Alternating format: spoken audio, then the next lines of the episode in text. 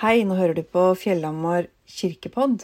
Jeg heter Elisabeth Lund og er prest i Fjellhamar kirke. Eh, søndag 20. august hadde jeg gudstjeneste i kirken og preka over Matteus evangeliet kapittel 6.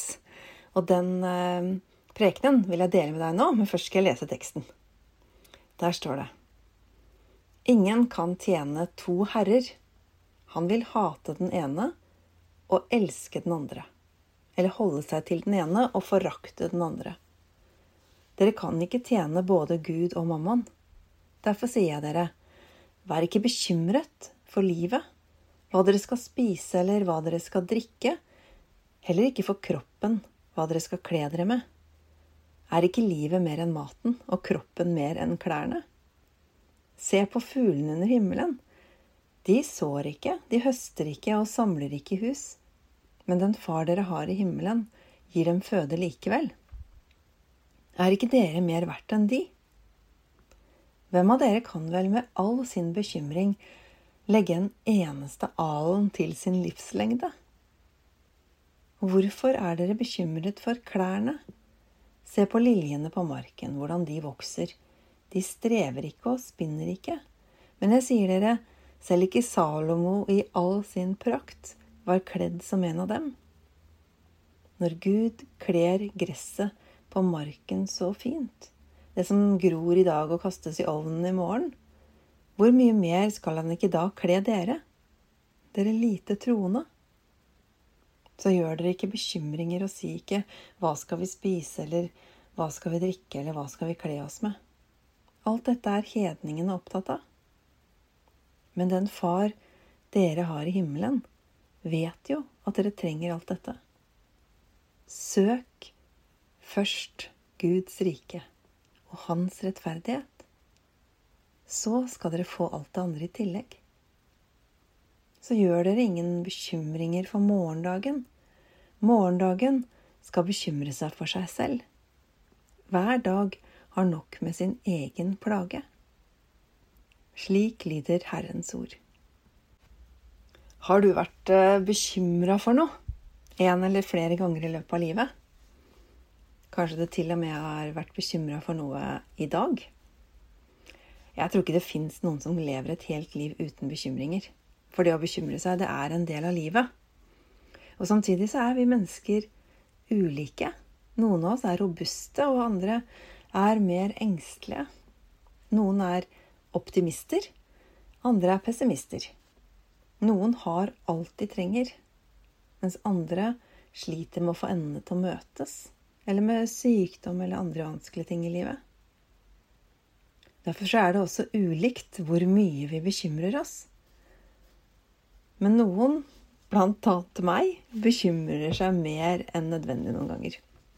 For det fins både ekte og tenkte problemer. Og jeg tror det er uunngåelig å bekymre seg for ekte problemer, men at det går an å gjøre noe med bekymringene for de tenkte problemene. Jeg liker veldig godt bøkene til Ingvard Wilhelmsen. Han er både indremedisiner, professor og psykiater, og har drevet hypokonderklinikken i Bergen. Spesialisert seg på helseangst.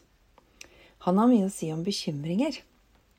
Og jeg tror han har gode tips til mange av oss som kan ha lett for å bekymre oss. Han sier at når det gjelder bekymringer, så er de tenkte problemene det vi bekymrer oss for at kan komme til å skje, på en måte verre enn de ekte problemene. Fordi når man opplever noe ekte, så har man plutselig ikke noe valg lenger. Man kan ikke velge vekk en sykdom, en konflikt, en oppsigelse eller en regning. Man må forholde seg til det. Dessuten er ekte problemer begrensa av virkeligheten, av tid og rom og sted. Mens de tenkte problemene, sånn tenk om dette skjer, de er bare begrensa av vår fantasi. Og for noen er det ikke grenser for hva som da kan komme til å skje. Han snakker om å akseptere at vi ikke har kontroll på alt her i livet. Og å bruke kreftene våre på det vi kan gjøre noe med, og ikke på det vi ikke kan gjøre noe med. Jeg kan anbefale å lese bøkene hans. I dag sier Jesus til oss, vær ikke bekymret. Og den teksten jeg nettopp leste fra Matteusevangeliet, er kanskje en av de vakreste tekstene i Bibelen. Jeg trenger å ta den til meg og øve meg på å hvile litt i en bekymringsløshet av og til. Kanskje du også gjør det. Men samtidig så syns jeg teksten kan være litt provoserende. For det går jo ikke an å ikke være bekymra når problemene er ekte. Og det blir for lettvint hvis man bare sier til en som ikke har mat eller klær, at de skal se på fuglene under himmelen og blomstene på marken. Men jeg tror også at Jesus vet det. Han som også identifiserer seg helt med den som er fattig, og med den som lider. Han har sagt at når vi møter sånne mennesker, så møter vi ham. Jeg tror det han vil fortelle oss, er noe om hvor vi skal ha fokuset vårt. Han vil vise oss en retning i livet, en måte å leve på. Hva som betyr noe, og hva som ikke betyr noe.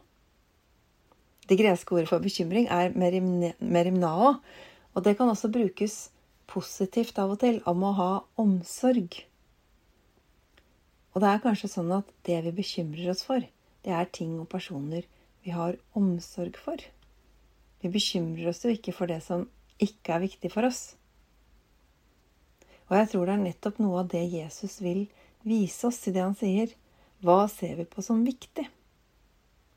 Teksten starter med at ingen kan tjene to herrer.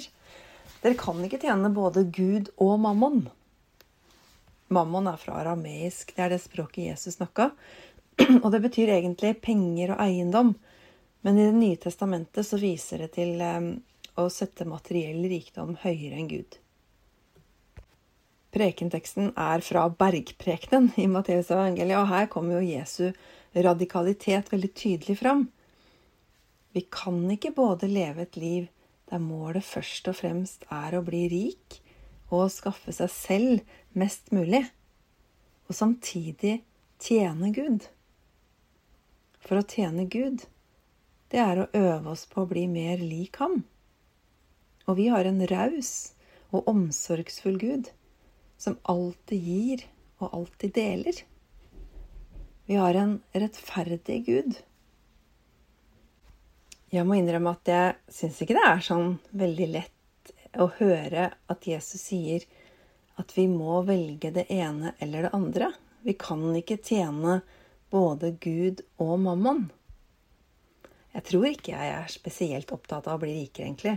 Men jeg innbiller meg nok at jeg trenger flere materielle goder enn jeg egentlig gjør. Jeg tror det Jesus sier, er en stor utfordring til kanskje de fleste av oss. En utfordring som eh, vi kanskje ofte overser litt, selv om det gjentas gang på gang i Det nye testamentet. Kirken har opp gjennom historien vært eh, mer opptatt av f.eks. Eh, seksuell umoral enn av folks forhold til penger. Jeg har ikke telt opp sjøl, men jeg har hørt at det står ti ganger flere advarsler mot pengebegjær i Det nye testamentet enn det står om seksuell umoral. Jeg tror vi har noe å jobbe med der. Og så får vi finne ut hver for oss hva det kan ha å si i livet vårt. Det handler om hva som er fokuset. Hvordan vi tenker om livet og om fordeling av goder. Dere kan ikke tjene både Gud og mammon. Derfor sier jeg dere, vær ikke bekymret for livet hva dere skal spise eller hva dere skal drikke. Heller ikke for kroppen, hva dere skal kle dere med. Når Jesus snakker om å ikke bekymre seg for mat og klær, så handler det ikke om at vi ikke skal tenke framover. At vi ikke skal planlegge og forberede morgendagen. Vi skal bry oss om morgendagen og bry oss om livet på jorda vår om 100 år. Vi skal gjøre noe med det vi kan gjøre noe med. Men vi inviteres kanskje til å ikke bruke unødvendige krefter på å bekymre oss for det vi ikke kan gjøre noe med. Og til å hvile i at det er nok å få det vi trenger for å leve. Og vi inviteres til å ha tillit til Gud. Kanskje denne teksten også kan leses som en oppfordring til alle oss som har mer enn nok av mat og klær, om å sørge for at flere får det de trenger, så de slipper å bekymre seg. Fordi den far vi har i himmelen, vet at vi trenger alt dette. Så kommer vi til det som kanskje er løsningen, eller nøkkelen i teksten. Søk først Guds rike og hans rettferdighet, sier Jesus. Ordet 'søk' står i imperativ. Gjør det! Det er ikke sånn det hadde kanskje vært lurt å søke Guds rike. Jesus sier 'søk'. Han oppfordrer oss til å alltid søke Hans rike først. Det er retningen. Guds rike er ikke et fysisk sted. Det er et rike som er i oss og iblant oss. Og det blir synlig der det gode får vokse fram. Og så er det Kirkens oppgave å la Guds rike bli mer synlig her på jorda. Det handler om å vise hverandre at det fins et nærvær av kjærlighet og omsorg. Det fins et sted å hvile og bli tatt imot som den vi er. Det fins nåde, og det fins tilgivelse. Det fins en Gud som bærer når livet er vanskelig.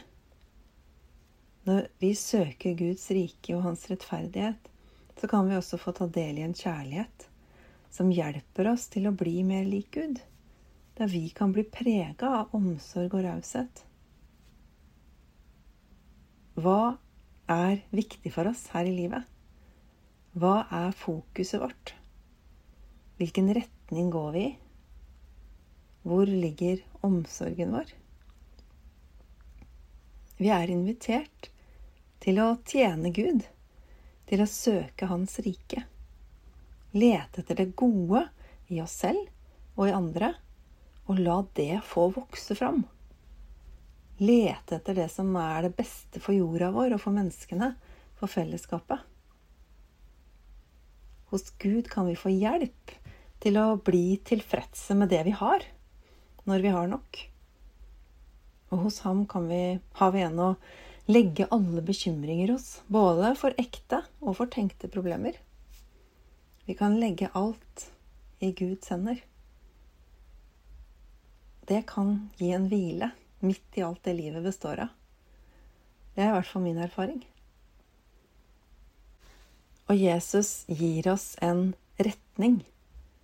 Vi kan komme til ham. Vi kan ta ham imot og følge ham ut i livet og søke Guds rike. Ære være Faderen og Sønnen og Den hellige ånd, som var og er og blir én sann Gud fra evighet til evighet.